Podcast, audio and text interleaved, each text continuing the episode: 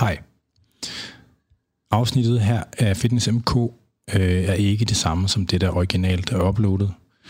Øh, da Katrine og jeg vi har haft en øh, retstvist med nogle af de øh, coaches, der er nævnt, så har det betydet, at vi har blibet dem ud fra den nærværende øh, podcast og genuploadet det. Så hvis du tidligere har hørt en anden udgave, så det er altså forklaring på det.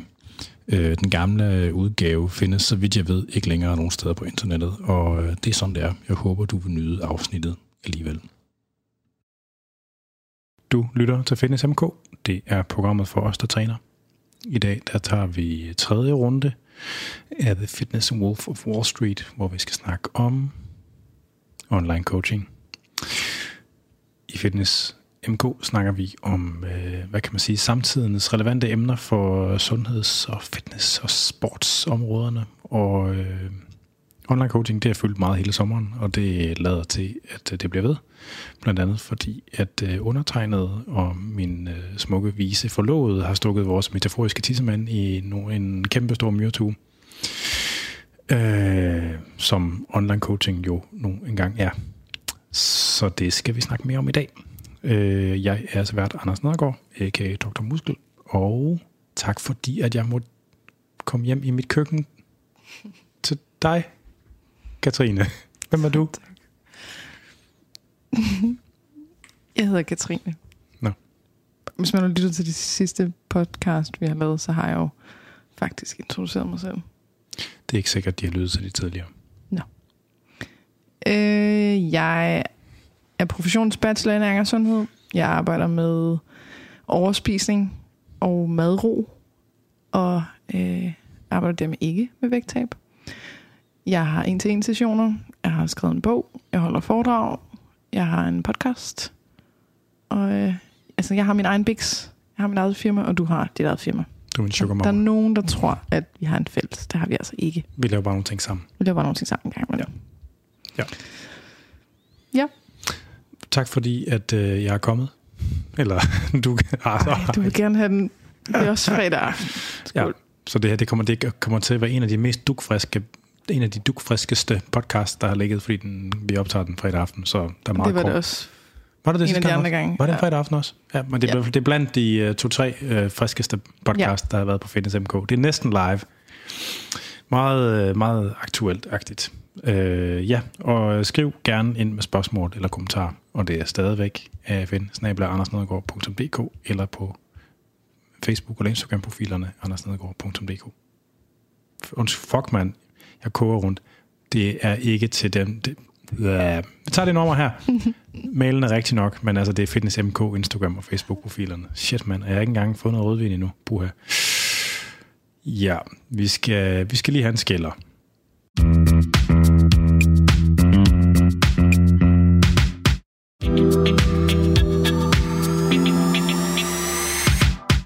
så er vi klar til at komme i gang. Tidligere i dag, der øh, efterlyste vi spørgsmål til udsendelsen, og jeg fik øh, et, to spørgsmål, og du fik en masse. Øh, men mit oplæg sådan, til dagsordenen for i dag, det er ligesom, at vi tager først sådan en siden sidst. Hvad der skete siden sidst. Øh, og der er nogle forskellige ting, øh, der, er på, der er på spil. Øh, så jeg vil gerne åbne, og jeg vil gerne sige noget om, hvad Linus har lavet. Øh, og nogle af de her ting, jeg beskriver nu, de kommer til at interagere, de kommer til at besvare nogle af de spørgsmål, som der er blevet stillet, så det går, at vi springer de spørgsmål over senere. Øh, jeg har jo været i en dialog med Linus, øh, både med bestyrelsesformand Rasmus Engerslev, som øh, nogen måske kender som tidligere direktør i Fitness.dk og øh, medstifter af Repeat og Fresh Fitness. Øh, og med Bertram Torslund, der er direktør i Linus. Øh, jeg mener jo stadigvæk, øh, eller jeg mener dengang, og det gør jeg stadigvæk, at, øh,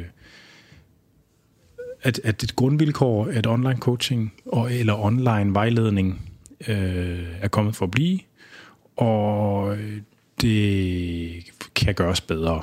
Og det vil jeg egentlig gerne være med til at påvirke i en konstruktiv retning. Og øh, det har været sådan også, at Bertram har tilbudt mig et plads i et advisory board hos øh, Linus for at hjælpe med at gøre deres bæks bedre. Og øh, det har jeg betakket mig. Øh, sagt, at det vil jeg da gerne, men det vil jeg bare kun, hvis at I øh, rent faktisk melder ud og siger, der skulle sket nogle ting på vores vagt, der ikke var i orden. Det vil vi gerne sige undskyld for, og nu laver vi om på det. Og den forretningspraksis, der har været hos vores coaches, den øh, vil vi gerne sætte en stopper for, og sætte en stol for døren hos dem og sige, hvis ikke de får lavet dem på det inden for to uger, så ryger de ud af bæksen. Det var ligesom min betingelse for at ville, gøre, for at ville ligesom spille bold med dem, og det vil de selvfølgelig ikke. Øh, Linus de har været interesseret i at lave nogle forskellige tekniske løsninger, blandt andet på rådgivning fra PT Danmark og undertegnet. Øh, så for eksempel, så har de jo lavet det her spørgeskema for, for forstyrret spisning. Øh, de implementerede det, der hedder EDQ, tror jeg nok. Øh, hvor man får sådan en score, der ligesom siger noget om, i hvilket omfang man er i risikogruppen for ligesom at have forstyrret spisning, som et screeningsværktøj, og det er jo meget fint. Øh, men det ændrer bare ikke på, at selv efter, at de har haft det i test hos deres brugere øh, og rullet det ud nu, så sidder stadigvæk, når han bliver spurgt om det på sin hjemmeside, om han ved noget om overspisning og anoreksi og sådan noget, og så siger han, ja, ja, bare kom. Altså, og det gør han stadigvæk. Så er det svært ved at se, hvad, hvad formål den tekniske løsning skal have, hvis der ikke sådan for alvor, alvor er nogle konsekvenser uden den anden. Øh, et andet ting, de har implementeret, det er de faktisk lige annonceret på deres, Linus har annonceret det på deres egen Instagram her for nyligt, at nu kan man se, hvem det er, man skriver med ind i deres app.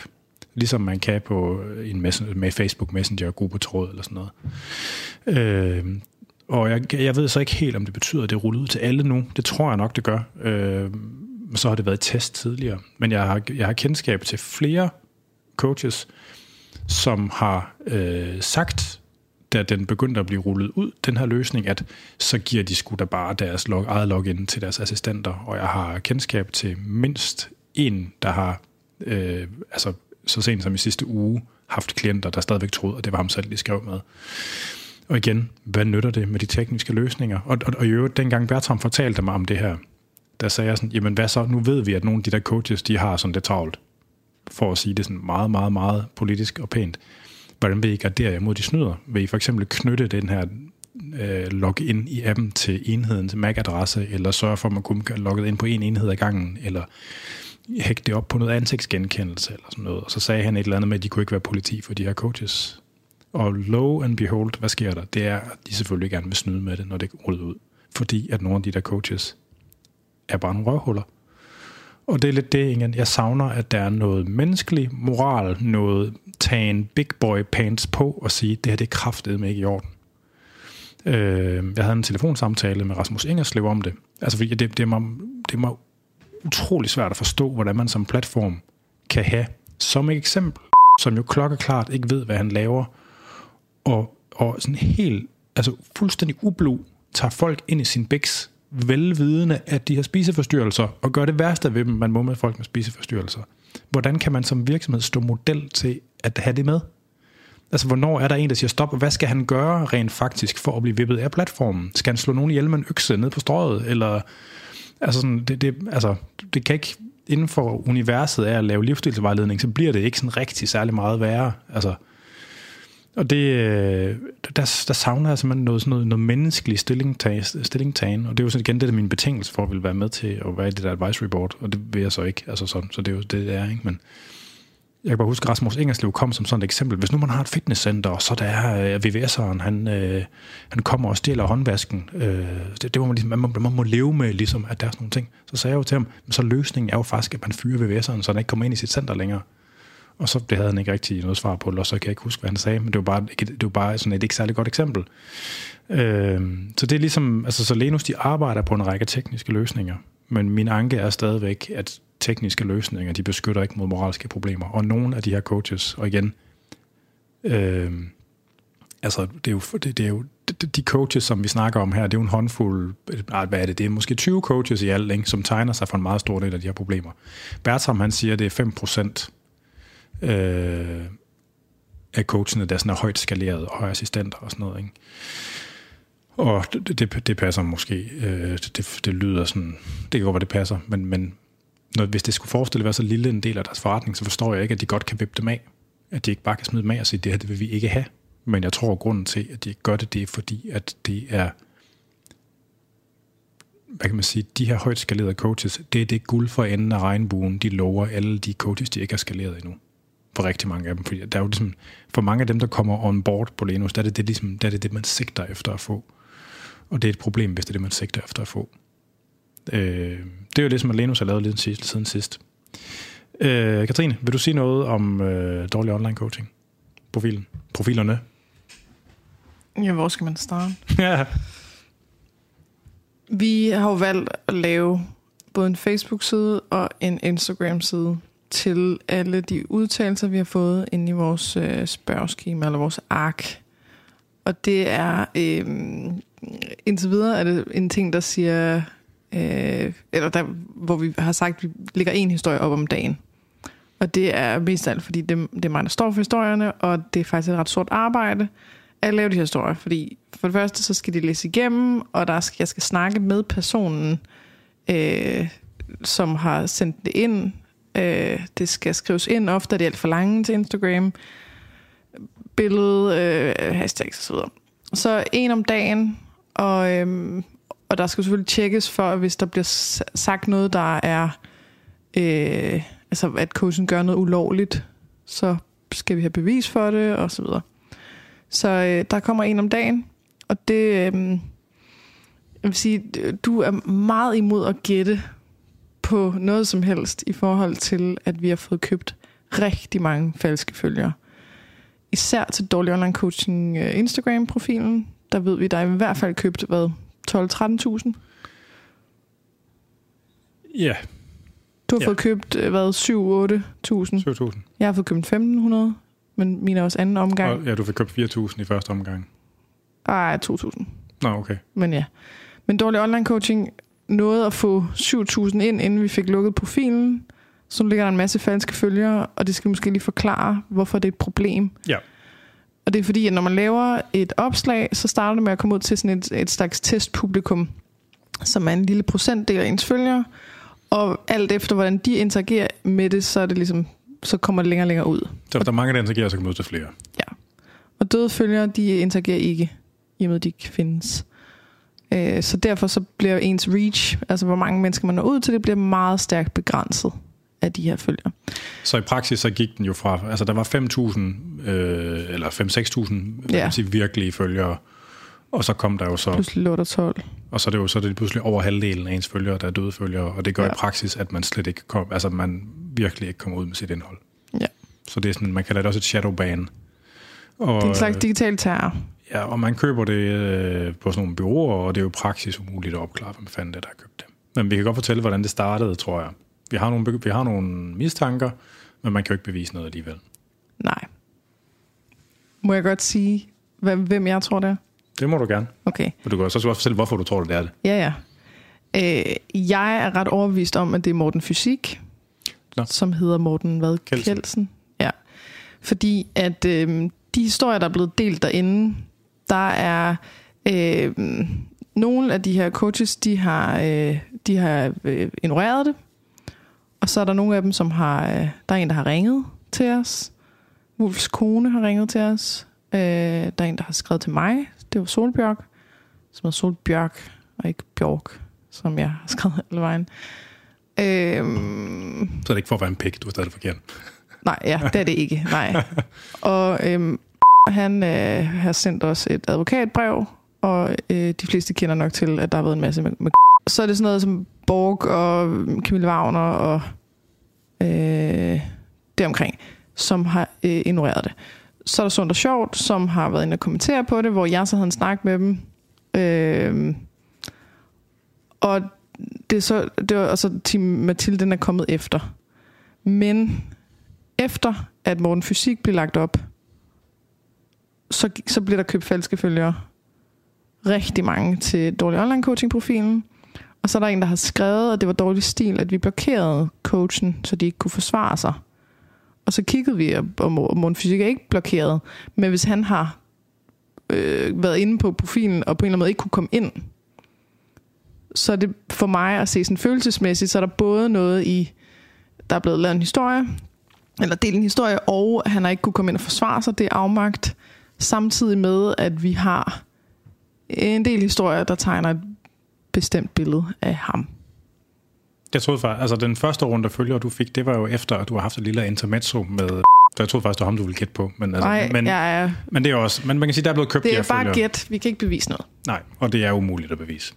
Men det er Så- en meget umoden måde at, øh, at handle på. I stedet vil- for at sige, fuck man, jeg har lavet nogle fejl, det vil jeg rette op på, det må jeg undskylde. Altså jeg vil bare sige, af hjertet tak. Fordi det gør det simpelthen så let at se, hvem der er røvhullerne. Altså hvad for en side, der er den forkerte side at være på. Så bare af hjertet tak. Ja. Til gengæld så har, man kan jo ikke, man kan kun se, altså vi lukkede øh, profilen, og så kan man kun se op til 1000 anmodninger. Det vil sige, når, man, når den Så gør vi troede, privat, der så, lå 1000. Ja. Ja. ja, fordi vi lavede den privat. så skal man lukke dem ind manuelt. Ja, og, og der er jo en masse almindelige mennesker blandt alle de her fake-følgere, så vi har jo siddet manuelt, og da vi var igennem de første 1000, så undrede vi os over, at der stadig stod 1000. Og så har vi været igennem 1000 mere, og så stod der stadig 1000. Øh, og du har været igennem nogle 100 i dag, jeg ved, Sara har været igennem nogle Jeg har 100 været igennem i går. 1000 i dag. Du har været igennem 1000, og der står stadig 1000. Ja. Så vi aner faktisk ikke, om der er blevet købt 20.000, 100.000, 500.000 og så videre følgere. Nej. Jeg tror, Det jeg, har, jeg jeg, har nok, ikke. jeg har nok klikket mig igennem et par tusind i går i virkeligheden. Ja, Jeg kan godt få min egen autistiske tilfredsstillelse ud af Ja. at klikke igennem dem der. det er godt. Men kun i afmålte mængder. Ja. Øh, altså, men det interessante, det er jo, at det ender med, at der er jo kommet rigtig, rigtig mange menneske, rigtige menneskefølgere på kontoen også. Og det er jo et eller andet omfang en konsekvens af det. Barbara Streisand-effekten. Det er mit det klokkeklart eksempel. Barbara Streisand-effekt. Man kører en masse følger for, at folk ikke skal kunne se, hvad der står derinde, og så øh, er det det, der bliver meget interessant, det er, uh, vi skal ind og se, hvad der står, siden at der er nogen, der virkelig ikke vil have os til det. Ja.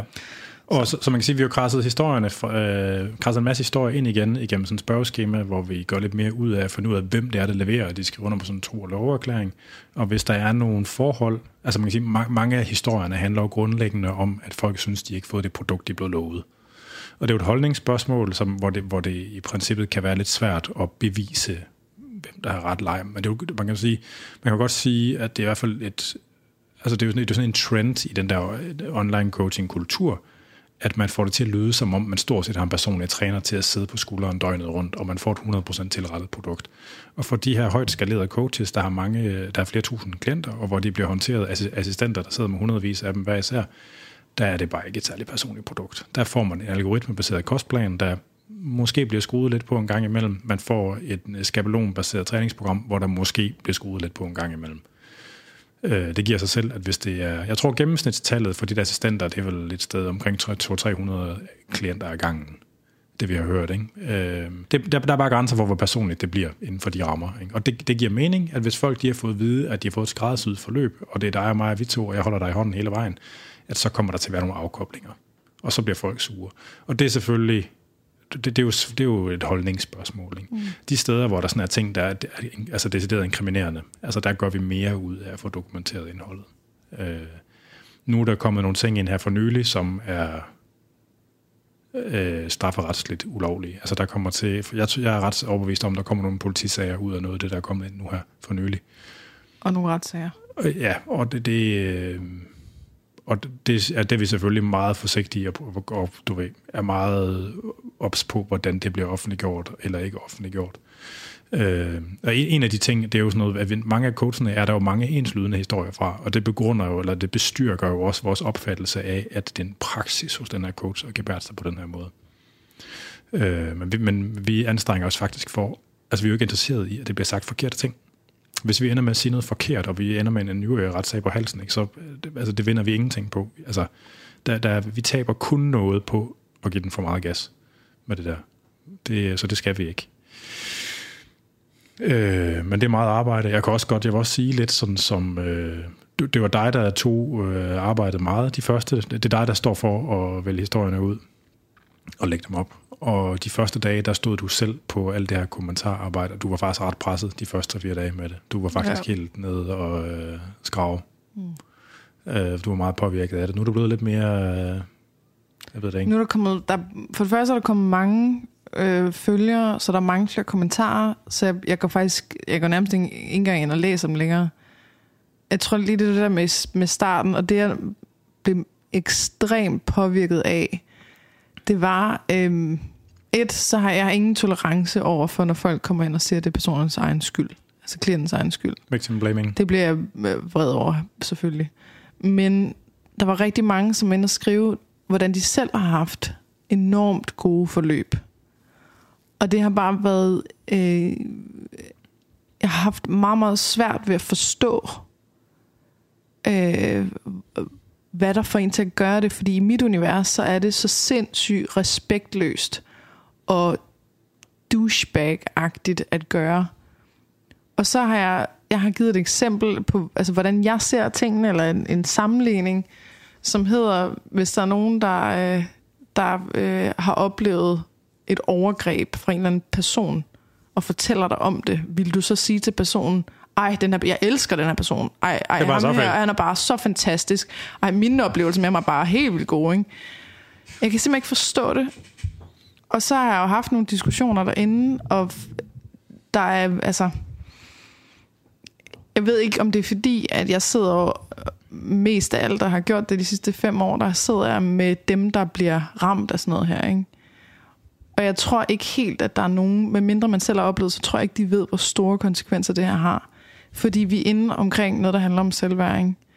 Hvis du i seks måneder kun har fået ros, når du har tabt dig, og du har fået skæld ud, når du har taget på, og du har skulle følge en eller anden plan, hvor når du ikke følger den, så har du fejlet. Det er noget, som bare er det mest destruktive, man kan gøre for en selvværd. Og hvis en selvværd begynder at være broken, så påvirker det alt i hele livet.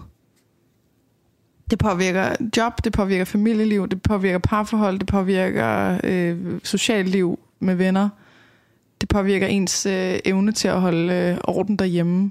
Og det bliver en nedadgående spiral, som ender med ofte depression, eller angst, eller spiseforstyrrelse, eller selvmordsforsøg osv.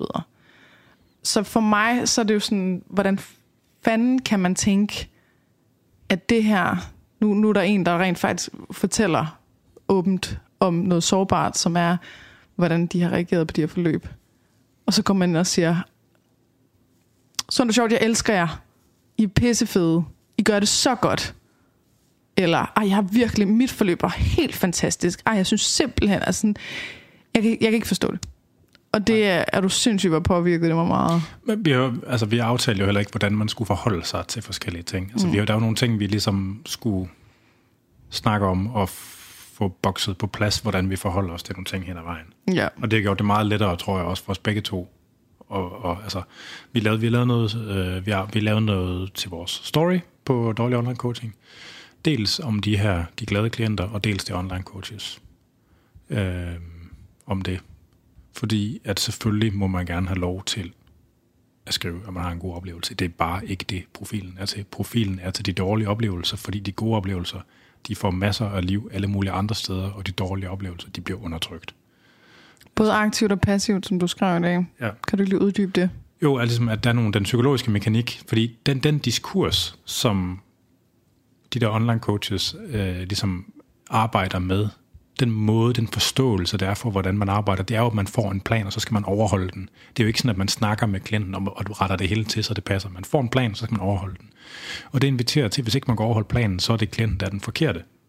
Og så kommer der hele den her skamdynamik ind over. Øh, så de der folk, der har, ikke har klaret det, eller som har fået en spiseforstyrrelse, eller ikke har tabt sig nok, eller har taget på igen bagefter, de oplever en utrolig stor skam øh, ved det, og derfor er det så er det svært for dem at fortælle om det. Det er ligesom den passive del. Den aktive del, det er jo det her med, at vi ved, at der er mange af de her coaches, der betaler folk for at fjerne dårlige Trustpilot reviews.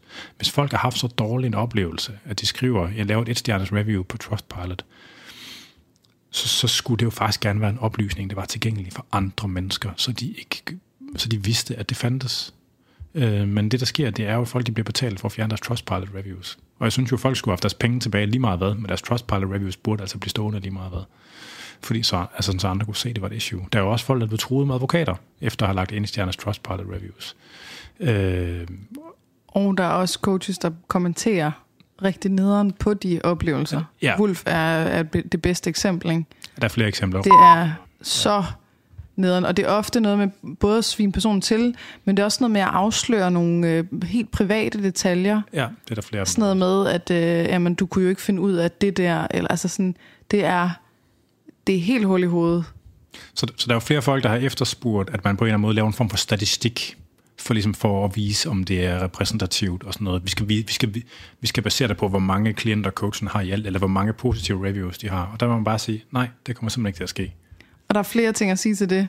Og det ene, det er jo, at altså det der med, at, at folk de er så meget efter os i forhold til, hvem er alle de gode historier? Hvorfor deler I ikke os de gode historier? Så er der slet ikke balance i det, og, øh, og det har man som ansvar, fordi ellers skaber man et, et forskruet billede af virkeligheden. Og jeg tror, øh, en af tingene har været det der med, at vi har, vi har nævnt det som et spørgeskema, som godt kan lyde som sådan en meningsmåling, man sender ud. Og det er klart, hvis man så kun tager resultaterne med fra de dårlige, så giver det et forkert billede. Men det er jo bare ikke sådan, det er her. Her, der er det, at de her mennesker, der har oplevet, de har oplevet det uanset, om det kun var den ene Øh, ud af 500.000 mennesker. Ikke? Altså, de har stadig oplevet det. Og hvorfor er, det så, hvorfor er man så kritisk den her vej og ikke den anden vej? Jeg har aldrig, aldrig i mit liv set nogen være inde, altså når en coach udelukkende deler alle de positive historier, alle de her før efter, alt, alle de her, prøv at se, hvor, hvor mange der er glade. Jeg har aldrig nogensinde set nogen, der siger, hov, hov, nu deler du kun de gode. Hvad med alle de dårlige? Dem skulle du også huske at dele. Ja. Men med os, der er folk bare efter os med det samme, ikke? Og siger, det der, det må man bare ikke. Jeg kan ikke forstå det. Nej.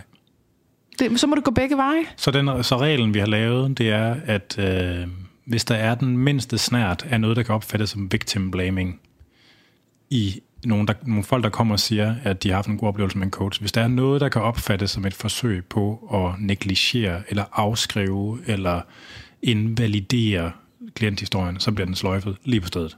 Der bliver skåret i ankelhøjde. Mm.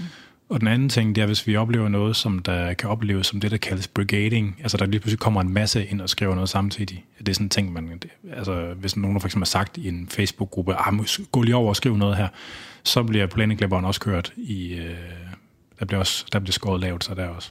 Mm. Og vi har lavet noget til online coaches også. Øh, fordi, og det startede egentlig øh, med, at du snakkede med Sundt og Sjovt. For der er jo nogle coaches, der har kontaktet os i forbindelse med deres klienthistorier. Sundt og Sjovt er de eneste, der rent faktisk har givet deres øh, klient øh, pengene tilbage og en personlig undskyldning. Jeg er overhovedet ikke... Øh, det, det er vildt inden for den verden, men i min verden, der er det bare overhovedet ikke nok. Ikke, altså, men det har også en længere historie. Men hvad vil du sige? De, de sagde ikke helt lige så meget undskyld, som du godt kunne tænke dig. Nej, men det er fordi, det hele handlede om, at det kan vi slet ikke genkende. Overhovedet. Ja. Og jeg har været i dialog med Stephanie, den ene af dem, øh, for flere måneder siden, hvor jeg skrev, prøv at nu har vi fået så mange historier fra jeres kunder, at det kan ikke længere ses som en engangsupser. Og jeg kan ikke holde hånden over, jeg, jeg kender hende øh, lidt, og jeg kan ikke holde hånden over dem. Og jeg vil bare sige, det her, det skal I have rettet op på hurtigst muligt. De var sådan, selvfølgelig, det vil vi rigtig gerne. Og så ville jeg gerne vide, hvad det var for nogle ting, og så skrev jeg det. Og så har de bare ikke ville svare. Jeg har skrevet tre gange, øh, og de har ikke svaret, men pludselig så dukker de op i kommentarfeltet, hvor jeg sådan, så I skal ikke glemme at hænge det. Altså, så må I må lige tage ansvar her. Men en af de, deres, det som jeg oplevede som værende et argument for, hvorfor at øh, alle de ting, jeg skrev, der jeg sammenfattede de her historier, at det ikke passede, det var, at jeg havde sagt, I skal vide, at jeg sælger er mega pressende. Det er noget, der går igen i næsten alle historierne. Det er, at man føler sig ekstremt presset på en meget ubehagelig og modbydelig måde til at sige ja og afgive ens betalingsoplysninger. Nå, en fortalte, hun har siddet grædt efter at være blevet ja, ja, præcis. Deres svar til det var, ja, men øh, vi har ikke nogen sælger. Det er Anton selv, der ringer. Og jeg var sådan, øh, øh, tænker, tænker du, det er bedre? Det, det betyder det ikke engang en sælger, I ikke rigtig sådan kan gøre for, fordi du ved, det er en Linus lige Altså, den, det er jeg selv, der ringer og presser folk til de grader, ikke? Altså, okay.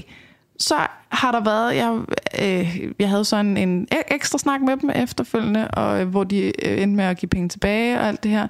Men bliver ved med at sige, at vi kan simpelthen ikke genkende det her. Og begyndte også at skrive, at mange af de ting, eller sådan, at de ting, som hende her øh, jeg øh, skrev, de passede simpelthen ikke. Og nogle af de her ting, det var jo, at for, for eksempel det her med at være blevet presset af telefonsælgeren, hvordan, hvordan vil de bevise, at de ikke har presset? Jeg spurgte, om de havde optaget samtalen, og det havde de ikke. Altså, og, og rigtig mange ting, hvor man kan sige, jamen det, I kan ikke bevise, at det ikke var sådan. Og det, det er bare, hvis man... Jeg ved ikke helt, hvad der er værst. Om, om det er, at man er et røvhul, og godt ved, man er det, men man vil ikke indrømme det. Eller man vil hellere øh, du ved, rette op på det i det skjulte, eller slet ikke rette op på det. Eller om man er et røvhul uden at vide det. Jeg ved ikke ja. helt, hvad der er værst.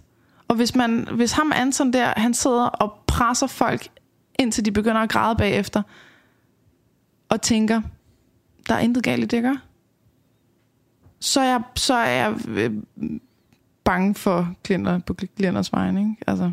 Det er også, øh, hvis nu man tog 100 mennesker ind fra strøget, og fortalte dem ligesom, at de har altså, de går, altså, du ved, man, man havde du fundet ud af noget om dem, og fortalte dem, altså, de har altså faktisk gjort noget ved andre mennesker, de blev rigtig, rigtig kede af. Ikke? Det er også, hvor mange af dem vil sådan blive sådan chokeret og sige, Gud, hvad? Ej, hvad er det for noget? Det må jeg da gøre noget ved. Og hvor mange vil sige, nej, det, det passer ikke rigtigt, det kan jeg ikke genkende. Altså det er sådan, det, det er jo lidt en konsekvens af det der online format. Det tror jeg, altså nej, det er en klokkeklar konsekvens. Det der med, at man ser ikke folk, man ser ikke deres reaktioner. Og det, øh, ja, det er noget skrald. Men jeg kommer aldrig nogensinde til at synes, at det er tilgiveligt, at man har presset nogen til at give en penge. For mig, der er det fuldstændig så alvorligt som et røveri. Ja, det, det synes jeg så ikke helt, øh, men... Det er det, jeg siger for mig. Ja, ja, ja, ja Fordi men, det, det er psykisk at tage valget fra personen. Ja. Ja. Det er manipulation, og det kommer jeg aldrig nogensinde til at synes er okay. Det er, jo, det er jo en ting, der er opstået, fordi Lenus de siger, at de vil gerne have, at coachen bruger sin tid på at coache. Og der vil jeg sådan gerne sige, ud fra sådan et, hvad skal man kalde det, øh, træner fagligt perspektiv, at selve øh, det sted i sin købsproces, hvor man lukker folk ind i sin forløb, det er faktisk en del af coaching. Det er en del af screeningen. Og, og, og, og, og det her fænomen med at bruge det her aggressive telefonsalg, det vil simpelthen ikke være en ting, hvis det var for eksempel fysisk øh, kostvejledning eller fysisk personlig træning, fordi det ikke, de, de ekstra klienter, man får ved et aggressivt telefonsalg i forhold til, at man ligesom lukker dem ind, der gerne vil salg, det er, at man får nogle kunder ind, der grundlæggende ikke er særlig højt motiveret, og i virkeligheden ikke synes, at det er særlig fedt. Ja, det starter off on the wrong foot, ikke? Ja, og det er bare ikke Hvis man skulle møde dem en face og have et forløb med dem, det vil, så vil man holde op med det, fordi det er ikke særlig fedt. Det, det, det, er simpelthen, det, det kan kun lade sig gøre, fordi det er det der online format. Ikke? Og det er bare en af de der ting, der er galt med det. Vi har lavet en, øh, en story til det der med online coaches, om, altså, hvor vi siger, at man kan, hvis man vil, øh, hvis man vil refundere klientens beløb og sige undskyld, så skriver vi det ind i posten. Men det betyder ikke, at der ikke kommer fremtidige historier om den pågældende coach. Ja. Man kan ikke købe sig frihed, og det har været et gennemgående tema, at mange af de her coaches, de har skrevet til os. Fordi ja. så kunne man lige lave hey, en kan du, ikke, kan du ikke sende dem til mig privat fremover? Ja. Fordi så kan jeg meget bedre hjælpe. Fordi de er mere optaget Du kan også deres... hjælpe, selvom de ikke bliver sendt privat. Altså, det... Ja, de er simpelthen mere optaget af, hvad der sker med deres forretning, end ja. af, om de har fucket nogle folk over. Og det er virkelig dårlig stil. Og det var efter, øh, efter Sundt og Sjovt havde de havde sagt, jeg havde spurgt, hvis jeg sender folk, de havde sagt, kan du ikke sende dem til os, de her mennesker? Så siger jeg, hvis jeg sender dem til jer, får de så pengene tilbage. Så sagde de, ja selvfølgelig. Så var jeg sådan, okay, lover I det? Så skrev jeg til, til nogle af dem, som havde været der, og sagt, de vil gerne give penge tilbage, vil I have det? Og det sagde de ja til. Og jeg var bare sådan, send mig et screenshot, når du har modtaget pengene, fordi jeg stod der ikke en skid på noget. Altså, og de gav pengene tilbage, og så skrev jeg, har I tænkt at give en undskyldning? Og så skrev de også undskyldning. Nu det er to personer, der drejer sig om det, ikke? Øh, og de her mennesker, de sendte mig undskyldningen, som jeg synes var, øh, var vag. Jeg er ked af, at du har oplevet det her. Ja. Øh, jeg tror, der over tæerne. Du, jeg er ked af, jeg, jeg, jeg, jeg, jeg, jeg, det ikke ondt i din tær. har ondt i tæerne. Ja. Det er jeg ikke så ked af. Jeg tror, du ja. Men det er as good as it gets so ja. far i den her online coach-verden. Og efter det, så var jeg sådan, okay, de her mennesker, de blev vildt glade for at føle sig set og hørt. Ja. At det, at de havde fået pengene tilbage. For den ene var det 2500 eller sådan. Det er jo ikke, fordi det er alverden. Men det, er, det er en symbolsk handling. Og også den, den undskyldende sms, det var, øh, det var federe end ingen sms. Så øh, da Solbjørg skrev til mig, at, øh, at hun brændte virkelig for at hjælpe folk, og at, øh, så derfor så ville hun gerne have, at jeg fremover sendte hende historierne privat. Der var jeg sådan, Øh, det, Solbjerg Skorbo. Skorbo, Skorbo ja. jeg mistænkte i hvert fald for at være sådan, hov, øhm, det er ikke særlig fedt for mig, at, øh, at de utilfredse klienters historie ligger ude, fordi det går ud om min virksomhed, så derfor så tænker jeg, om du ikke kan sende dem privat til mig. Fordi så går det ikke ud. Altså sådan, og der skrev jeg jo til hende, at øhm, hvis du vil give pengene tilbage og en undskyldning, så skriver vi det ind i opslaget. Men det er det eneste, vi kan tilbyde. Vi kommer ikke til ikke at dele øh, resten af historien. Vi, vi deler dem, vi får ind. Og så skrev hun, øh, selvfølgelig ville hun gerne øh, give penge tilbage og en undskyldning. Øh, det ville betyde rigtig meget for hende, hvis hun kunne det. Og så skrev jeg til klienten og sagde, hun vil give penge tilbage og en undskyldning. Det var, også, det var 7.100 kroner her, ikke? Altså det, det er sgu også penge.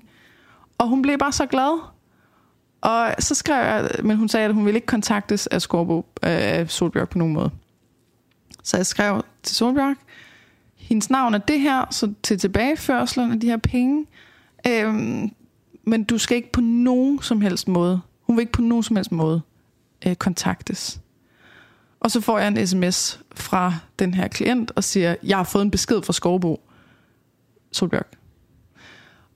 Og der bliver meget, meget vred. Ja, du blev meget vred. Hold jeg blev meget, jeg tror, meget vred. Jeg tror aldrig, jeg oplevede at være så meget op og ringe før.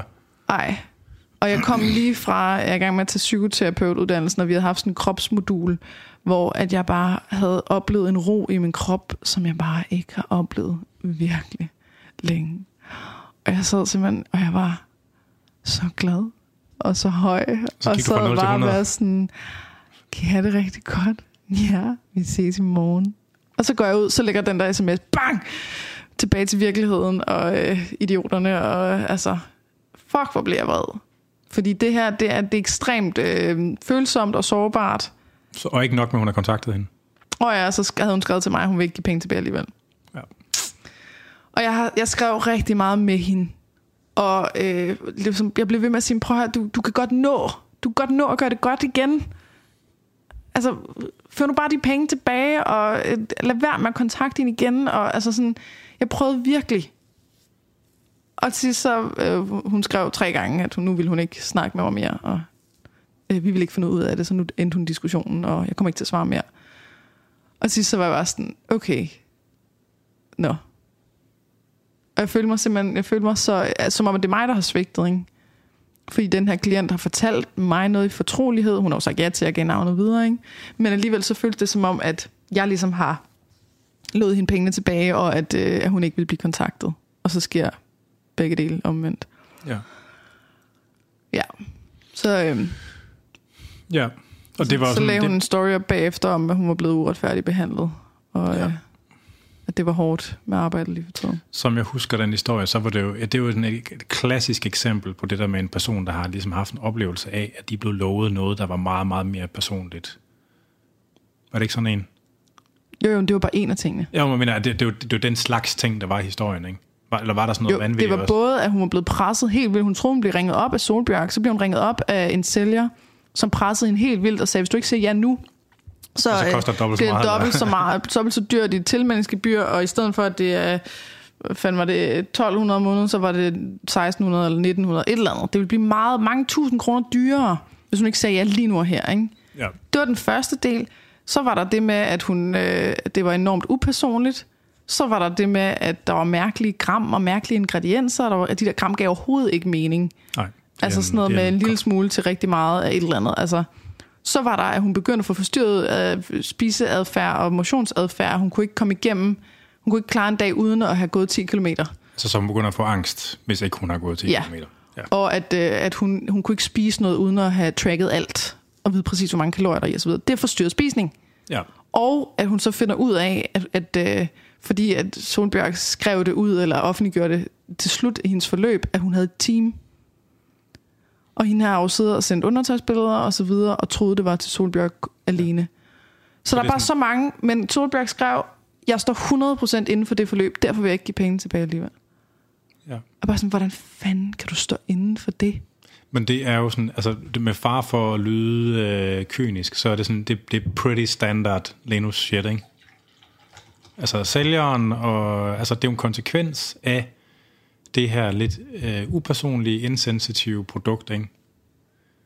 og et vægttab, relativt skarpt vægttabsfokus, ikke? som der er rigtig mange af dem, der får. Og når man trækker det ned over hovedet på folk, så kan det godt være, at man er velmenende, øh, måske uvidende, men det kommer til at påvirke en vis fraktion af de folk, er i det forløb rigtig negativt. Ja, vi ved jo, hun har hun have over 800 klienter om måneden, ikke? Ja, vi ved, at hun for hvad, et halvt år siden havde 800 hun er, jeg vil fra godt, en, der arbejder på Linus. Man kan jo se, at hun har adskillige ansatte, og altså, hun- jeg tror Ja. også, hun er over 1000. Men det er så, altså det, men det er bare sådan, det, det er run of the mill uh, Lenus stof, det der, ikke, for sådan en skaleret coach. Det, det, er fordi, altså, lige meget hvor gode intentioner man har, så er det det der, der, der ligesom er resultatet for en del af ens klienter. Mm. Jeg havde lidt en, jeg havde en dialog med en fra en, en, en der er klinisk artist faktisk i dag, som øh, postede en, et jobopslag for øh, Bare sig det. nej, no, no, For no, nogle af de nogen, nogen, der, de er nogen, der, nogen, der, ja, det ved jeg, måske, altså men et, et, et, nogle, nogle, online coaches, der markedsfører sig meget på, den ene af dem er øh, på vej til at blive læge, og de, de, de, de, det er meget sådan noget evidens og medicin og science, og Og de, de arbejder med vægttab ud fra et evidensbaseret koncept. at man skal have kalorieunderskud, eller jeg ved det ikke. Nå, de ledte efter en klinisk diætist. Øh, de har haft jobopslag, der ligger på Jobindex, så kommenterede jeg sådan, at og det var egentlig sådan en gruppe for kliniske diætister og PBS'er, hvor jeg sådan sagde, at jeg håber faktisk, jeg håber egentlig, at, at kliniske diætister, de synes, deres faglighed, den er over at skulle sidde, support? og sidde og være sådan en chat support på en algoritmebaseret kostplan. Fordi at det, der sker med skaleret forløb, hvor man har, mange, hvor man har relativt mange klienter, så fanger man bare ikke faresignalerne, når det begynder at gå galt. Altså, jeg ved, jeg Og ved, det er forløb uden øjenkontakt. ja, og, Ikke engang telefonkontakt. og, men de bruger så vist nok Zoom, altså så man har Zoom-kald, hvor man snakker med hinanden udenom Linus af dem. Men, men, men, men, men, men det der med, hvis man skal sidde og passe rigtig mange klienter, det bliver ikke så personligt, at man fanger de der faresignaler, og så er det, det går galt. Så selvom man går ind i det med de bedste intentioner, hvis man skal sidde og blæse rigtig mange klienter igennem hver eneste dag, så kommer det der til at ske for nogle af dem. Mm. Og, det er simpelthen en, en, grundlæggende, et, en, en grundlæggende problemstilling ved den her form for ydelse. Og det er også, altså et andet problem, det er egentlig også, at øh, øh, online coaching kan sagtens virke. Det kan sagtens funke til mange formål. Altså, øh, det, det, er der slet ikke nogen, altså det er der ikke nogen tvivl om. Men, men hvis man skal have den der mere intense opfølgning, så lav for helvede nogle forløb, hvor der er mulighed, hvor, hvor at det er vejledere, der sidder med meget færre klienter, så de har mulighed for at huske deres klienters fucking navn, uden at skulle slå det op i en database, hvad det er, de hedder, ikke? Og så lader det koste 2, 3, 4, 5.000 kroner i måneden, i stedet for at det hele skal være sådan nogle højt skalerede, altså ydelser, hvor, at man, er, hvor man sidder med hundredvis af klienter, og øh, ydelsen koster 1.200 kroner i måneden, eller hvad fanden det nu er. Nå, det var, jeg, jeg ved ikke, om vi vi har sagt det, det skal sige som dårlig online coaching. Du bliver, du bliver også ringet op af Wul- Wulfs kone. Jeg vil, Ja. ja, Kenneth Wulf. Kenneth og Cecilie Wolf. Vi, Ja. øh, og det er spøjst, Hun ringede til dig og sagde, hun de kan slet ikke genkende. Og til, så, holdes team øh, Sund med Wolf, øh, hvor ja. Ja. det er fra, det er et eller Sydsjælland eller sådan noget. Det er Jeg ved altså- det ikke. Det er ikke en Vi del har bare af fået så mange det, grumme historier om det er dem. ikke en del af Lenus-apparatet. De Nej. har deres egen ting going on, kostplaner og, og vægttabsforløb, og vi har så fået nogle virkelig, virkelig grimme historier om dem. Og efter den, der kom på øh, on, dårlig online coaching forleden, så er der kommet nogen ind, der er virkelig grimme. Vi skal nok lade være, altså vi skal lige, vi skal lige Du veje vil gerne uh, fortælle om ting på sådan en roundabout way. måde, og så vi ikke afslører det. Ja, men vi skal passe på, fordi øh, det oh, nej, jeg tænker den anden ting. Men der er nogle, kommet nogle rigtig vilde historier ind. Øh, øh, Jeg vil bare rystende. sige, der er ny, lad være med nogensinde at tage imod et gratis forløb fra ham. ja, ja. Altså, så når man, man troede lidt ligesom, at altså, at du ved, sådan ligesom peakede dårlig stil, ikke? så er det bare, Son Wolf, hold my beer. Oh, ja, så det der er en øh, ny øh, a new King in player, Town. A new player entered the game. Ja, det, skal, det, bliver, det bliver interessant at se. Og det er faktisk en, del, en ting, vi har snakket om, det her med, at fordi at historien bliver slemmere og slemmere, og coachen slemmere og slemmere og sådan noget, det, det kommer til at forstyrre ens virkelighedskompas i forhold til, hvad der ligesom hvad der er okay. Man så kan, vi, sådan så kan man læse en historie, som i virkeligheden er fuldstændig vanvittig, hvor man bare sidder og tænker, Ja, "Åh, så dolkede hun sin baby 12 ja, ja, gange. og sådan fuck noget. det, altså det, det er jo sgu ikke så slemt, ikke? Ja. Og jeg synes, det er uhyggeligt, Ja. ja. altså hvordan det kan påvirke en. Ja. Det, altså det gør jo ikke øh, de her, altså du, hvis man har set nogen slå nogen ihjel, så, så er det ikke fordi, at det at, at blive slået ned er, øh, er okay. Nej. Bare fordi det ikke er at blive slået ihjel. Altså, ja. det, man skal stadig huske på, at det er forkert at slå nogen ned. Ikke? Altså, sådan, det er det, jeg, skal, jeg skal prøve at huske mig selv på, at de her forløb, hvor, at, øh, ja, hvor der ikke er sket noget i strafferetslivet ulovligt, de er stadig, det er stadig for voldsomt. Ja. Øh, jeg er jo involveret i det her projekt, der hedder PT Danmark. Det var lige for at afslutte det med dårlige online coaching profilerne. Øh, jeg øh, er en del af en arbejdsgruppe, der stifter den her forening, der, skal, der er jo en brancheforening for personlige trænere og personlig træning. Og øh, man har besluttet, at jeg skulle være formand. Øh, det er ikke fordi, jeg har sådan en voldsomt stærkt drive for at skulle være formand, men det var ligesom, det gav mening, fordi jeg er den ældste, og den, der har det største netværk, formentlig, blandt andet fordi jeg er ældst, gamlest.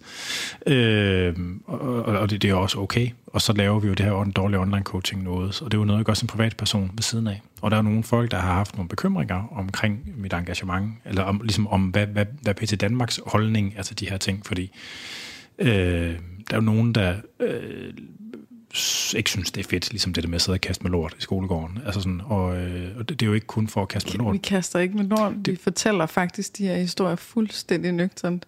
Ja, Nå, men som bliver men det opfattet. Men det at dele de dårlige historier, det bliver set som at kaste med lort. Altså, og, øh, og det, det, er, det er der nogen, der har... Altså fordi, at jeg ligesom er involveret i begge dele, øh, tror ligesom, at at PT Danmark også er en del ligesom, af sådan noget med at, ligesom at lave larm, og, og det er det bestemt ikke. Altså PT Danmark, det er helt klart et forsøg på at være konstruktiv i det her, og komme med nogle guidelines til, hvordan man kan lave en god og samvittighedsfuld BIX med trænings- og kostvejledning, lige meget om det er fysisk eller online. Og jeg har ikke noget med PT Danmark at gøre? Nej, nej. Det er noget, jeg gør som privatperson. Altså dårlig online coaching. Så det var bare lige det, Godt, for nu, nu tænker jeg, at vi skal tage nogle af de spørgsmål, der kommer Nå, ind. Ja. Øh, men først, så skal der lige være tid til en skiller.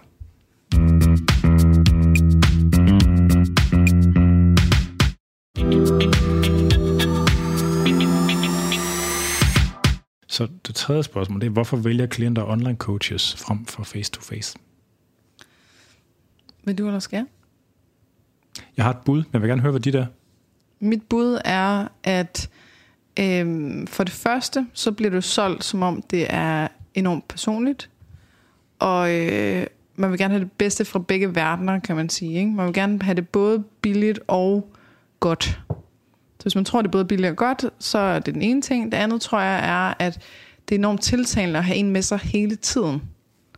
Hvor hvis man kommer til mig for eksempel, så har man jo en session hver anden uge eller hver tredje uge, og har kun lige den time, og det er ikke fordi, jeg skriver sammen med mine klienter, øh, andet end at rykke dato og så videre.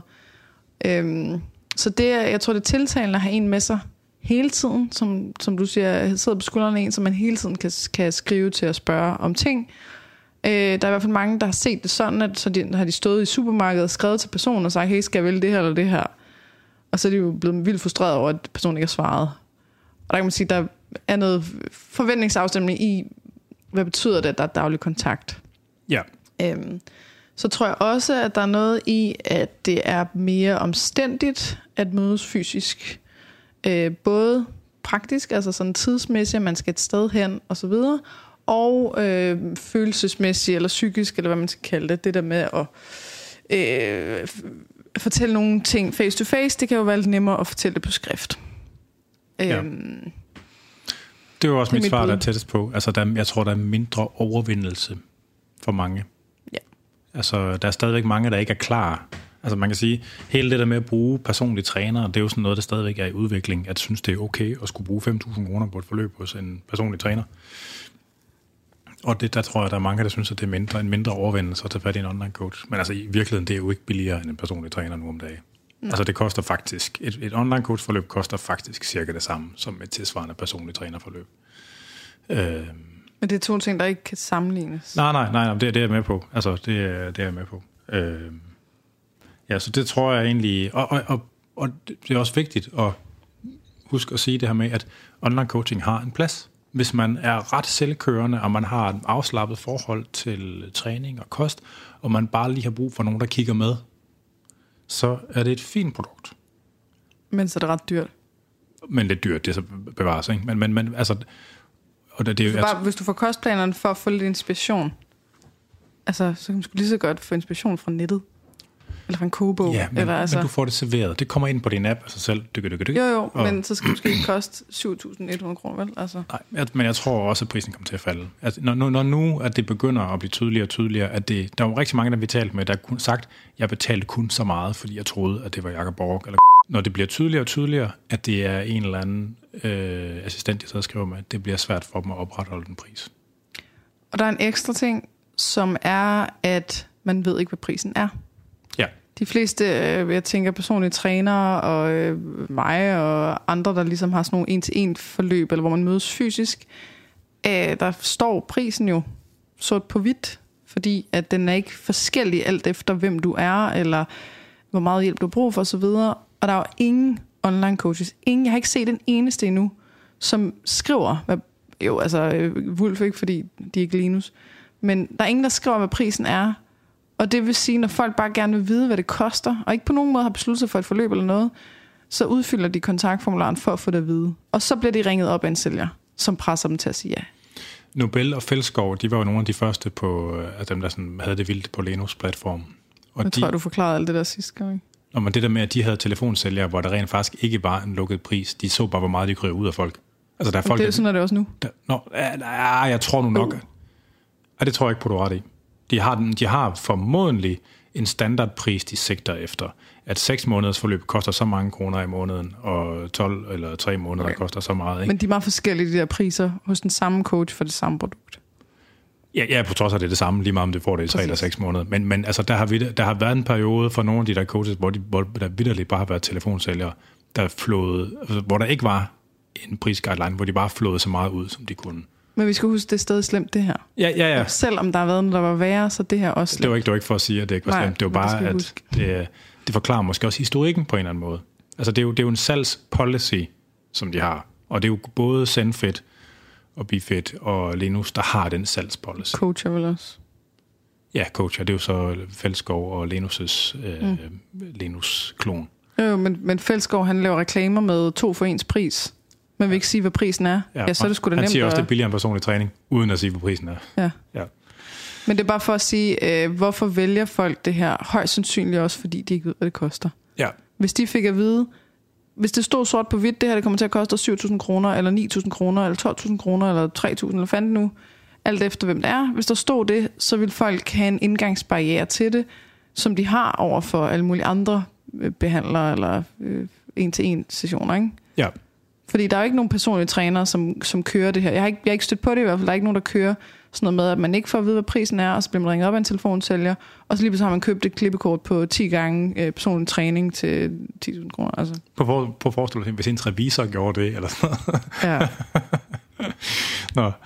Øh, er der kun historier for kvinder? ja. Nej, det er der ikke. Men 99,5 procent eller sådan noget, ikke? Altså, så skævt tror jeg ikke, det er. Men det, jeg vil nok sige 95 procent. Men vi oplevede noget sjovt i starten, ikke? fordi vi startede med at krasse historier ind gennem dig. Og der kunne man se både, ligesom, at selvfølgelig er det næsten udelukkende kvinder, fordi hvad, 90 procent af dine følgere er kvinder, mm. men det var også nogle bestemte coaches, der var repræsenteret. Da jeg så begyndte at lave lidt mere alarm om det, så begyndte der at komme nogle nye coaches på, som der ikke var hos dig. Så begyndte Jens The Beast-historierne at komme, og så begyndte, altså hos dig, der var det meget Jakob Borg, og vi har ikke engang fået krasset dem ind tilbage fra, din, fra vores messenger endnu. Åh, oh, Gud.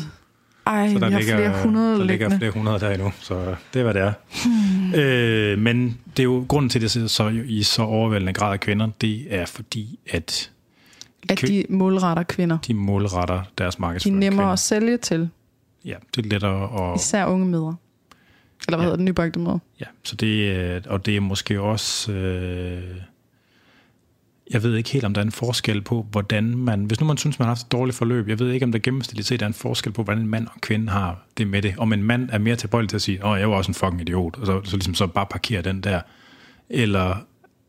Altså, om kvinder er Der mere kan tilbøjelige til at opleve det. noget i, at mænd, og det er en generalisering, men at mænd måske har lidt nemmere ved sådan, "Nå, nu følger jeg bare den her plan. Eller, Nå, nu gør jeg bare sådan her. Eller, Nå, det der, det gider jeg sgu ikke æde, så æder jeg bare det her i stedet for. Eller sådan.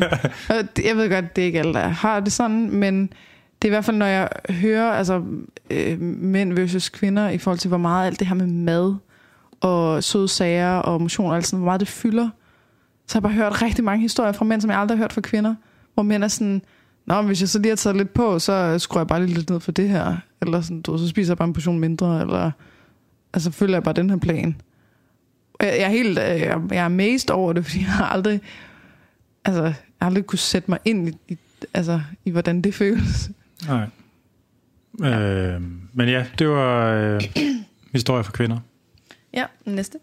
Øh, kan man som coach godt kræve, at betalingen fortsætter, selvom man ikke har fået det produkt, som man synes, man var blevet lovet? Nej.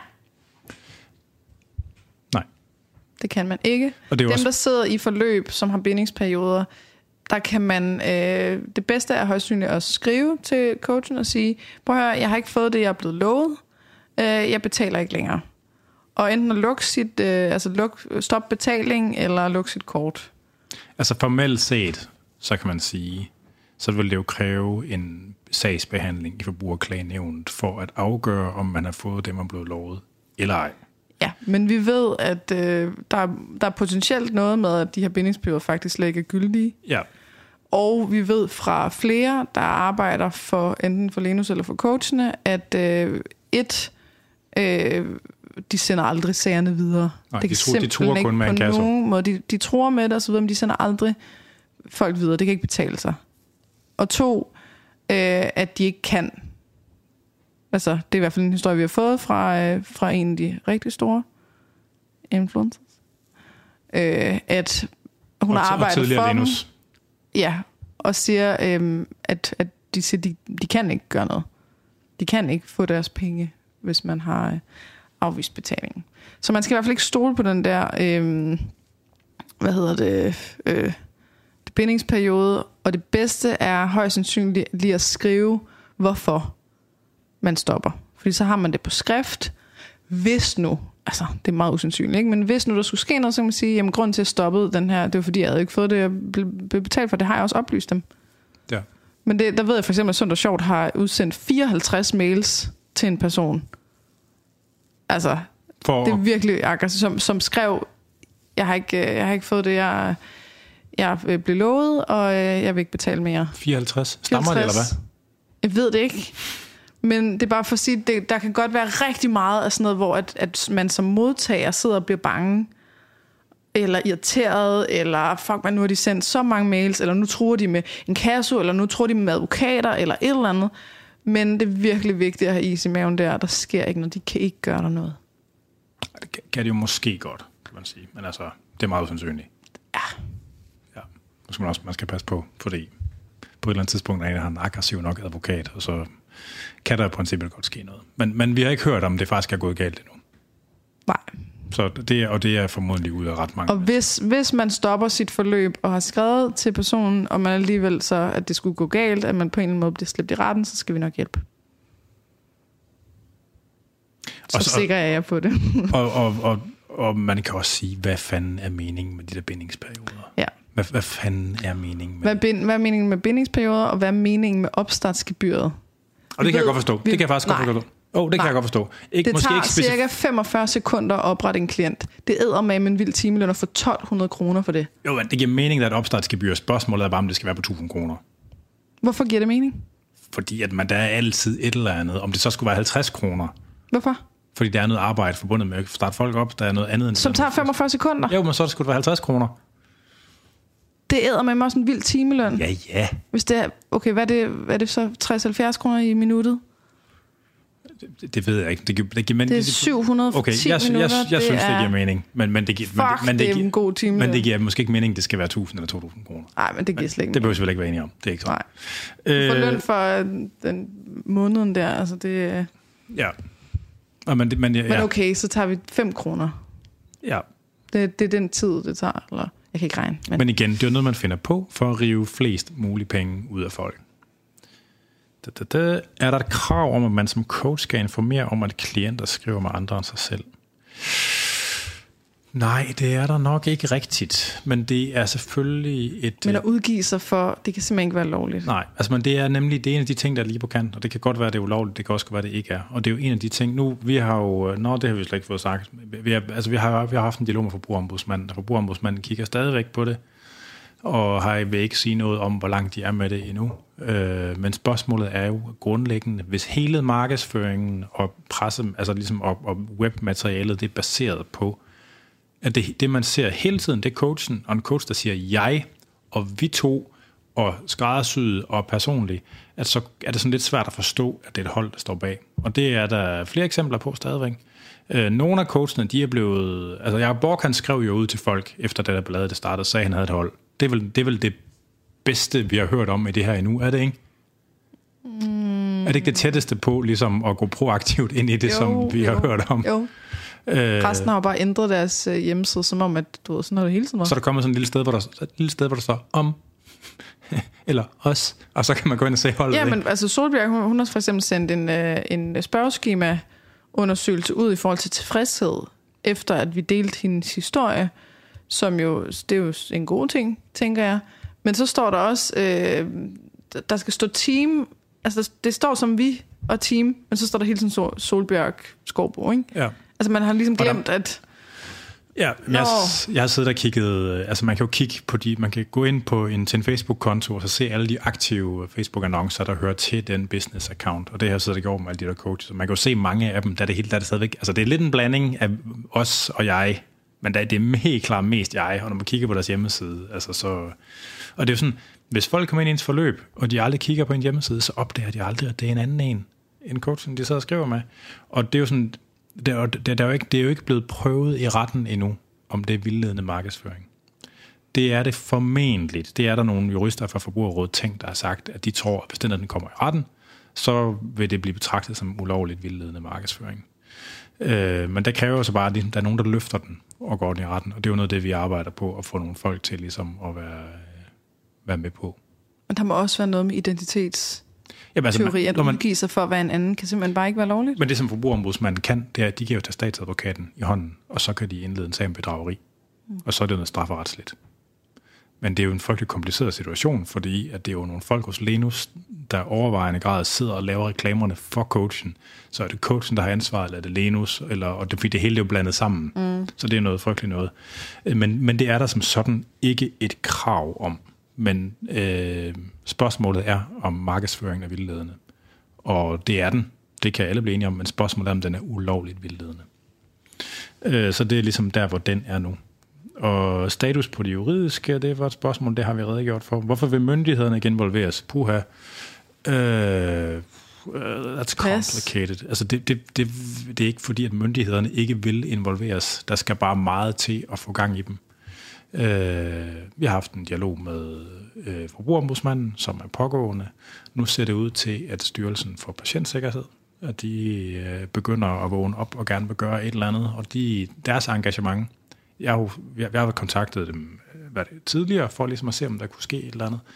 De har, men, men ligesom med henvisning til, at det ikke er autoriseret sundhedspersonale, så det er ikke læger eller kliniske artister, der står med det, og det er ikke i ords forstand patienter, øh, har gjort det... Øh, altså, så er det ligesom faldet ved siden af deres bord. Men nu, ligesom, nu vil de gerne til at samle op på det, fordi det minder lidt om sådan nogle situationer, hvor alternative behandlere begynder at behandle sygdomme, som, eller siger, de kan behandle sygdomme, som de vidderligt ikke aner, hvad fanden er op og ned på.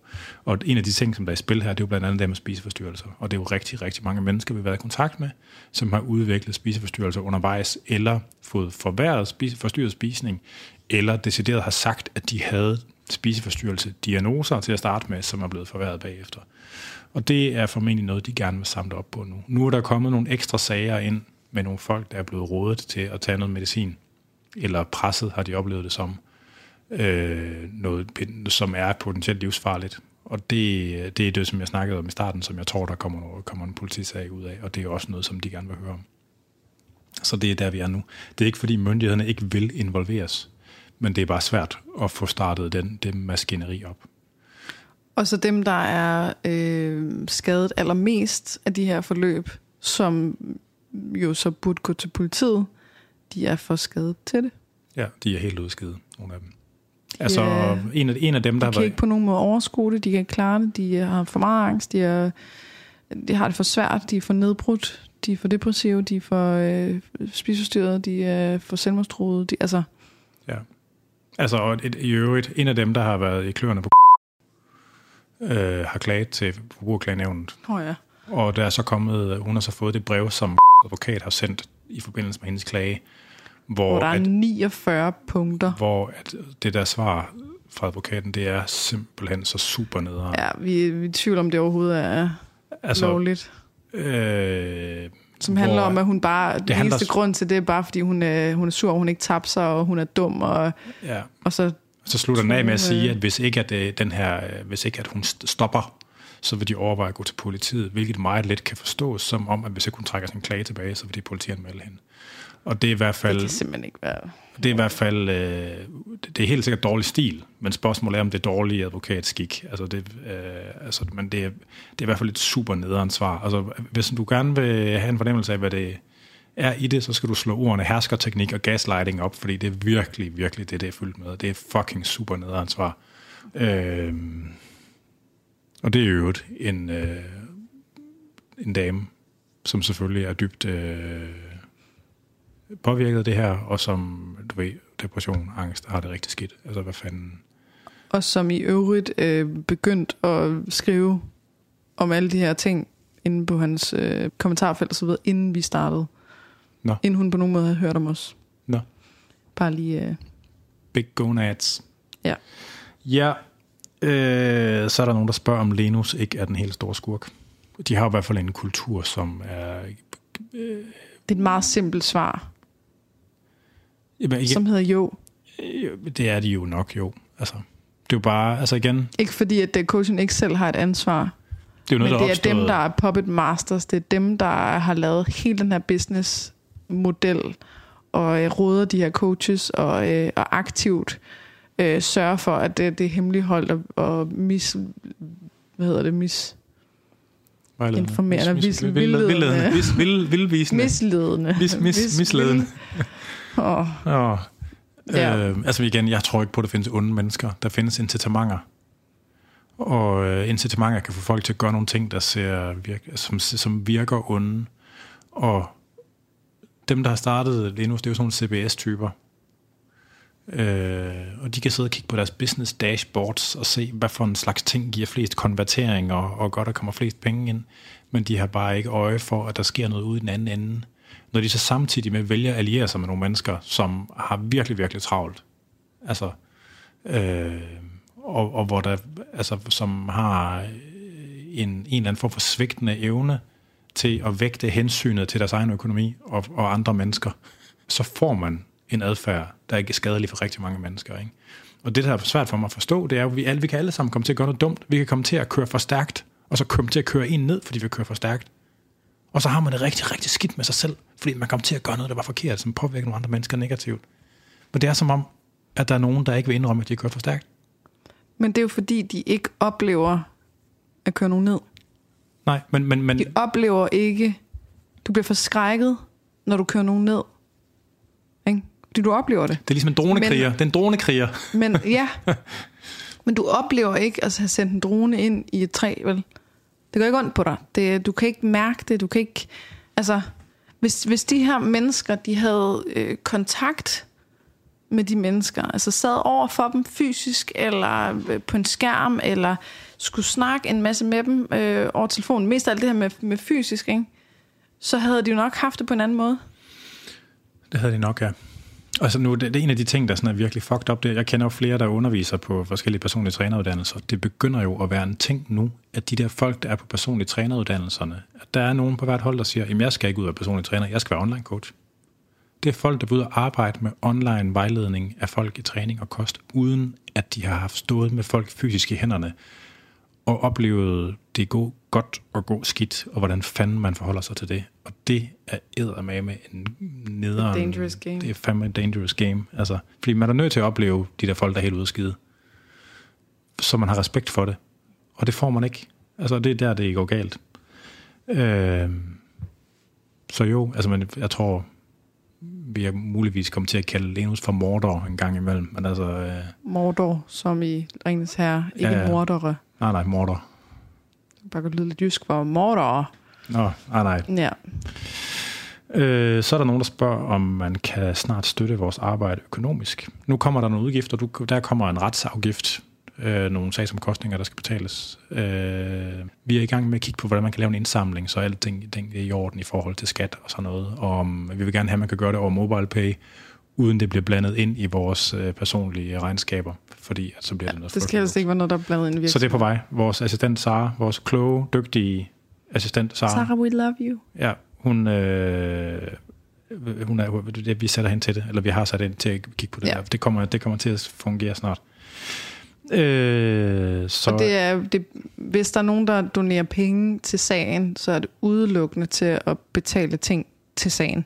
Ja, det er til sagsomkostninger, Der kommer ikke til at være nogen, hvor vi bruger penge og, på brylluppet, eller hvor vi bruger penge på vores øh, egne udgifter, enten herhjemme eller i vores virksomheder, eller at vi kører ikke en ny computer, eller altså sådan, det bliver udelukkende til sagsomkostninger i forhold til for eksempel handels- og handelsretten, eller advokatomkostninger, eller øh, hvis der er et eller andet med nogle af de ramte klienter. At det er noget, man skal definere, for, når man laver en ja. ja. indsamling. Alt det der, hvad, hvad man må bringe Ja. tingene til. Altså, og hvis der er noget til overs, efter det hele er overstået, så donerer vi resten til SIN eller LMSOS eller sådan et eller andet. Altså, Det skal vi lige snakke om, fordi jeg vil gerne, jeg vil hellere donere til offrene. ja, men, ja, ja men, men vi skal nok sørge for, Altså at det betale psykologhjælp til en af dem, der er blevet så fucked af et forløb, at øh, hun ikke kan stå på ben. Ikke? Altså sådan, sådan noget vil jeg synes, de penge også skulle bruges til. Ja, det kan godt være svært at definere i den der... Det kan godt være, der er nogle tekniske udfordringer ved det.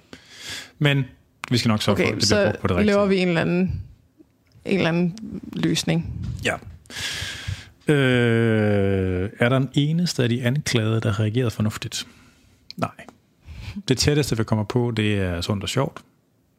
Og, ja. Giv penge tilbage og en undskyldning er trods alt bedre, end ikke at gøre det. og Jacob Borg, han har skrevet ud og været åben omkring, at nu er det et hold, der står, der ligesom, hans ting, det er vel også så godt, som den del af det kan blive. Og der mangler lige. Der mangler nogle ting endnu, kan man sige, men altså, Vi kan sige, se det som en- god handling. ja.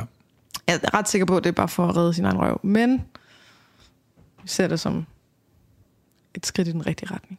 Ja, det tror jeg, altså... Men altså, ja. Men alt det der, alt det der med at kontakte os og være sådan, spille helt uskyldig og være sådan, ja, det kan simpelthen ikke passe det her, det er meget mærkeligt, eller ej, det er simpelthen, hvor er det godt, det I laver, jeg støtter virkelig op om det.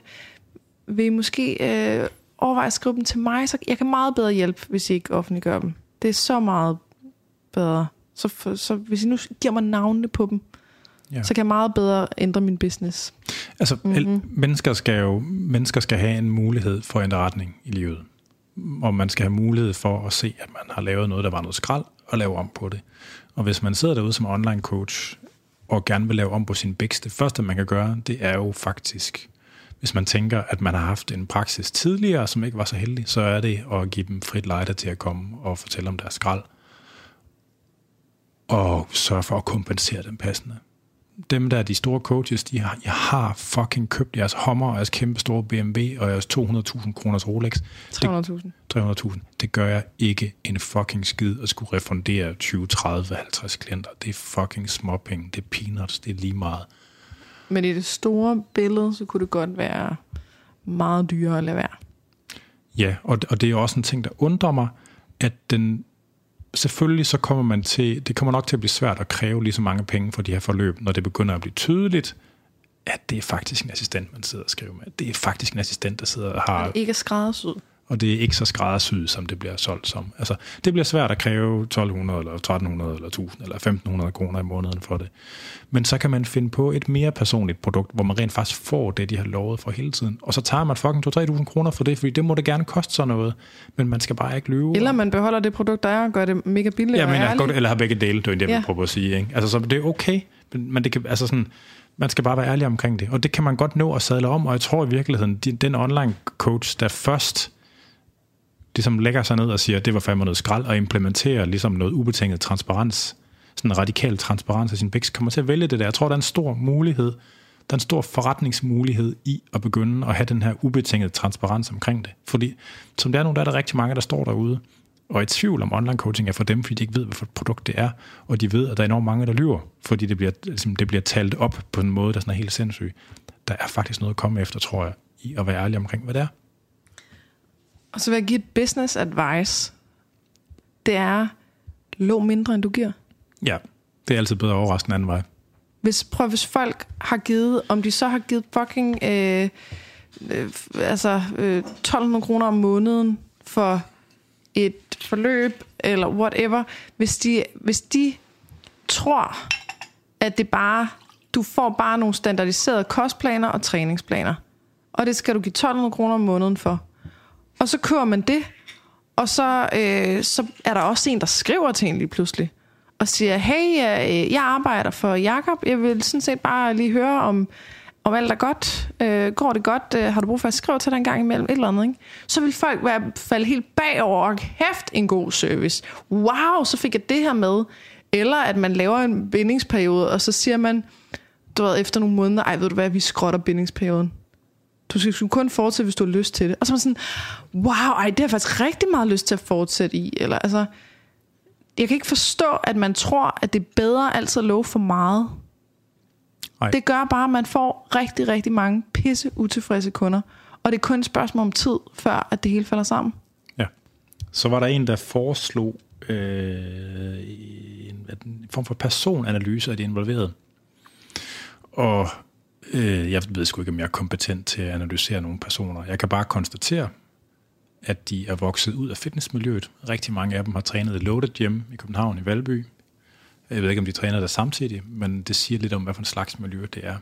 Og det er fitness bodybuilding miljøet. De fleste af dem har været på stedet, kan man godt sige. Nu vil jeg, det er vist den måde, man kan sige det på, uden det er, kan være injurierende. Øh, faktisk næsten alle sammen. Det kan man også godt sige. Men i hvert fald. Ja, ja, ja, bevares. Altså, men alle de, alle de skalerede coaches, eller næsten alle de skalerede coaches, de øh, er på noget. Ja, eller har været. Ja, og det ved jeg, fordi at jeg kender nok til det der miljø omkring Grut i København, til at øh, jeg ved også, hvem flere af dem køber deres ting af. Det er, så at det miljø der, det er heller ikke større end det. De fleste af dem, er, de får noget, de får nogle bolcher. Øh, og det er jo, altså igen, min personlige holdning til det, det er jo, at det er deres eget valg. Men det er rigtig skidt, hvis det er noget af det, der bliver brugt til at bilde folk ind, at folk ved, hvad de taler om. Det er noget skrald. Der er en, der spørger, øh, kommer der til at blive konsekvenser for online coaches? Det håber jeg meget på. Altså Katrine og mig, vi har jo snakket meget om, hvad, ligesom, hvad er endgame i det her. Vi, kommer, altså, vi har brugt sygt meget tid på det her. Alt for meget tid, og vi har ikke fået en kæft ud af det. Jo, Katrine, hun har få, vi har fået lidt flere følgere på sociale medier. Øh, til gengæld så skal Katrine betale øh, 10.000 kroner i retsafgifter. Og, øh, altså sådan, det, jeg, jeg startede et nyt arbejde. Øh, og sådan, altså, det, det har bare været hårdt. Det er fyldt alt, alt for meget. Så vi snakker om, ligesom, hvad, skal, hvad, er, øh, hvad er vores exit fra det her? Øh, og det er lidt sådan forskellige exit, vi har.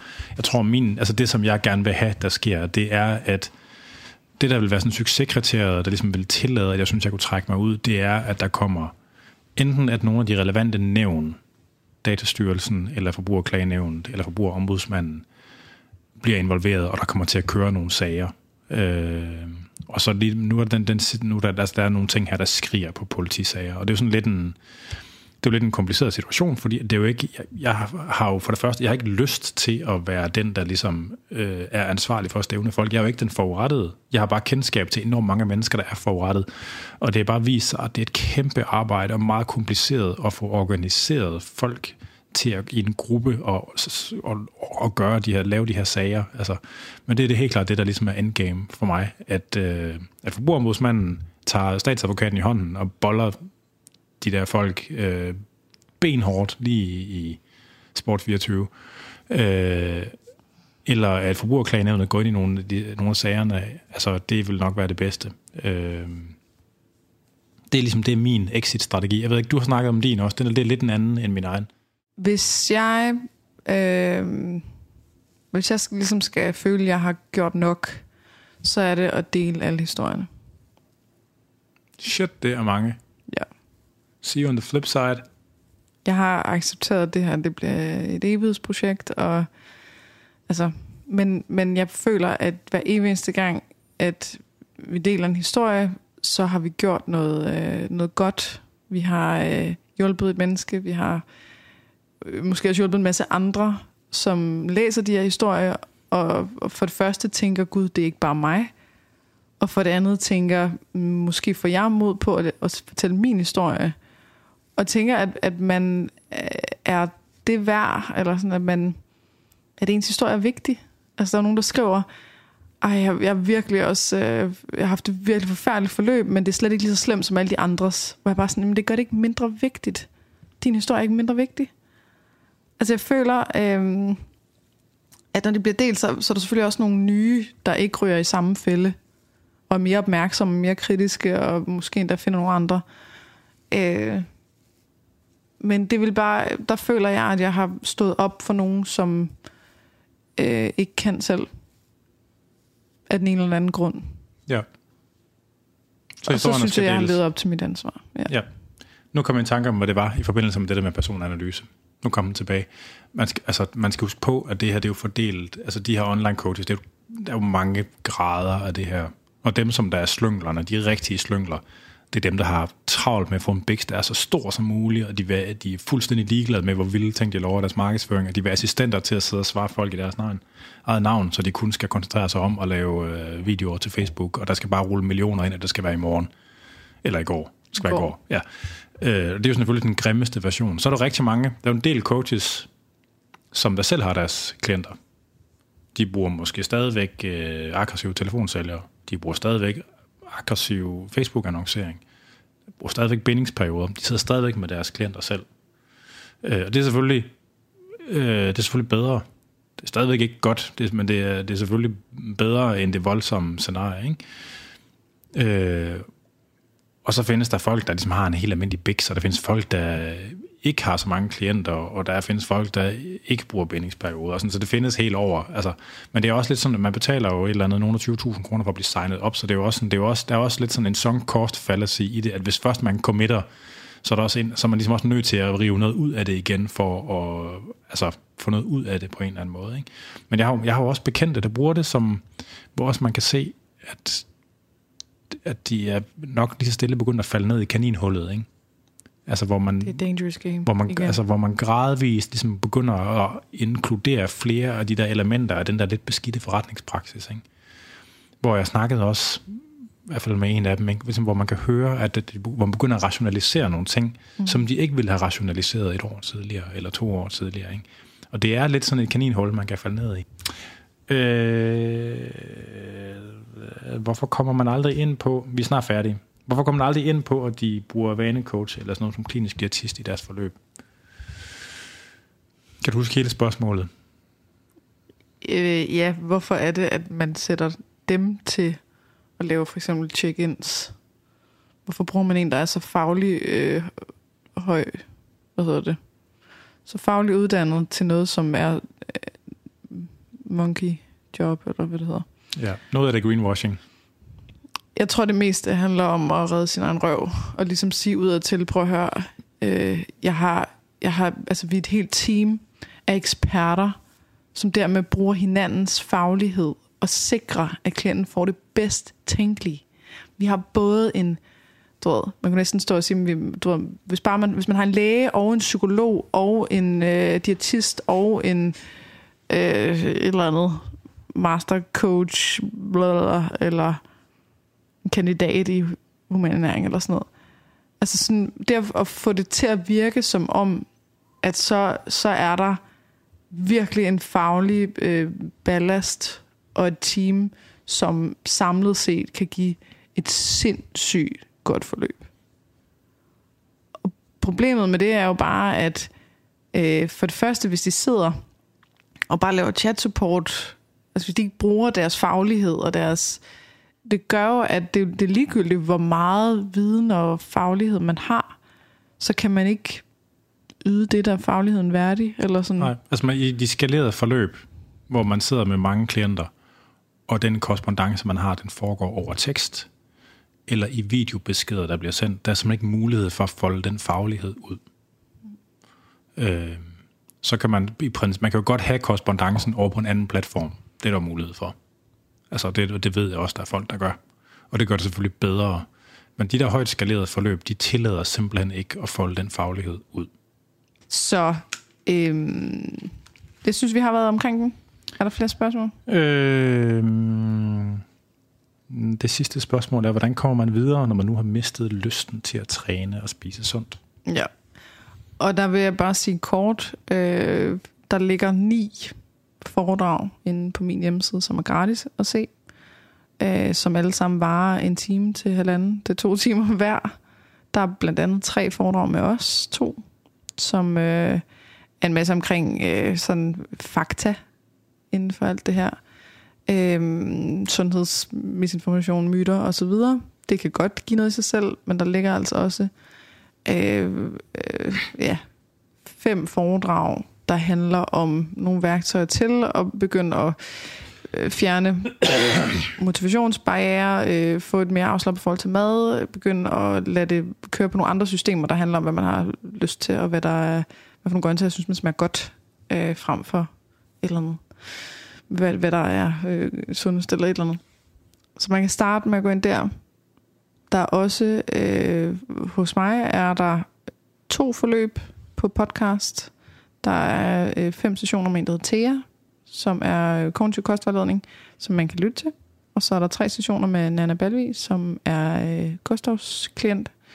Eks-klient. Eks-klient. øhm, og begge forløb handler om at begynde at få et godt og sundt og afslappet forhold til mad og motion igen. Og til sin krop jo også. Øhm, så kan man lytte til min bog, eller læse den. Bog.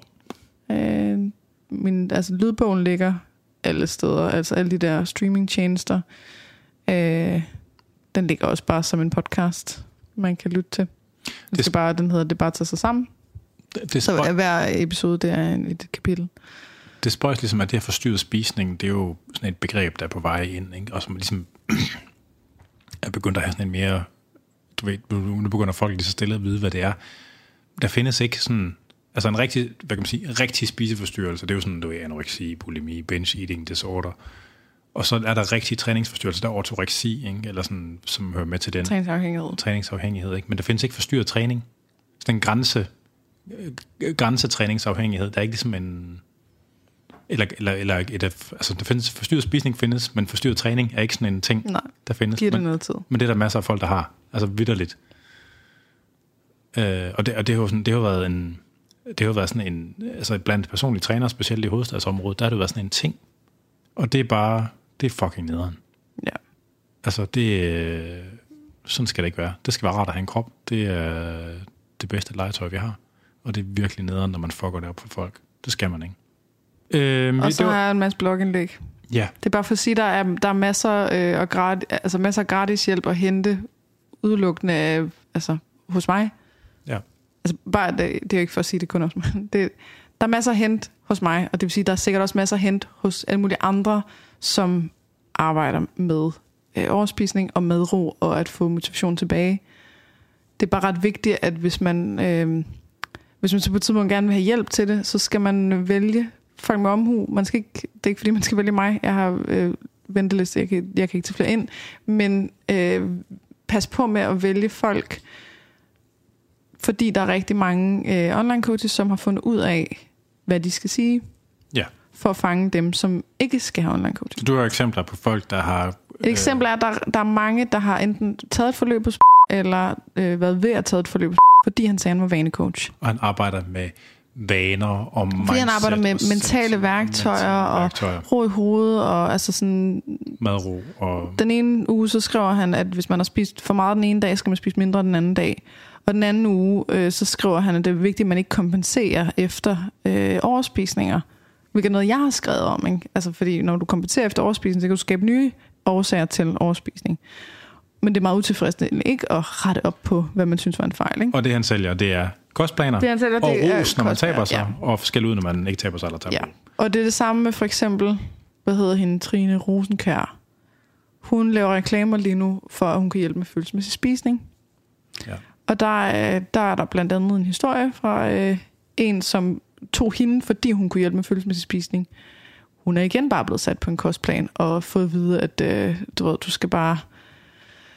Øh, f- du ved, Så jeg, det, jeg, kan ikke, jeg, jeg deler historien om en uge eller sådan noget. Så det er bare for at sige... Og så er der også uh, Bille Bay i øvrigt, som, uh, hvor der er en med BED, der har skrevet til ham, altså øh, tvangsoverspisning, og sagt, hey, er det her noget, du har styr på? Så har han sagt, ja, og at han også har det lidt selv. Og det eneste, der gør, det er at arbejde med rutiner og vaner. ah, sådan er det ikke helt. Og det er bare...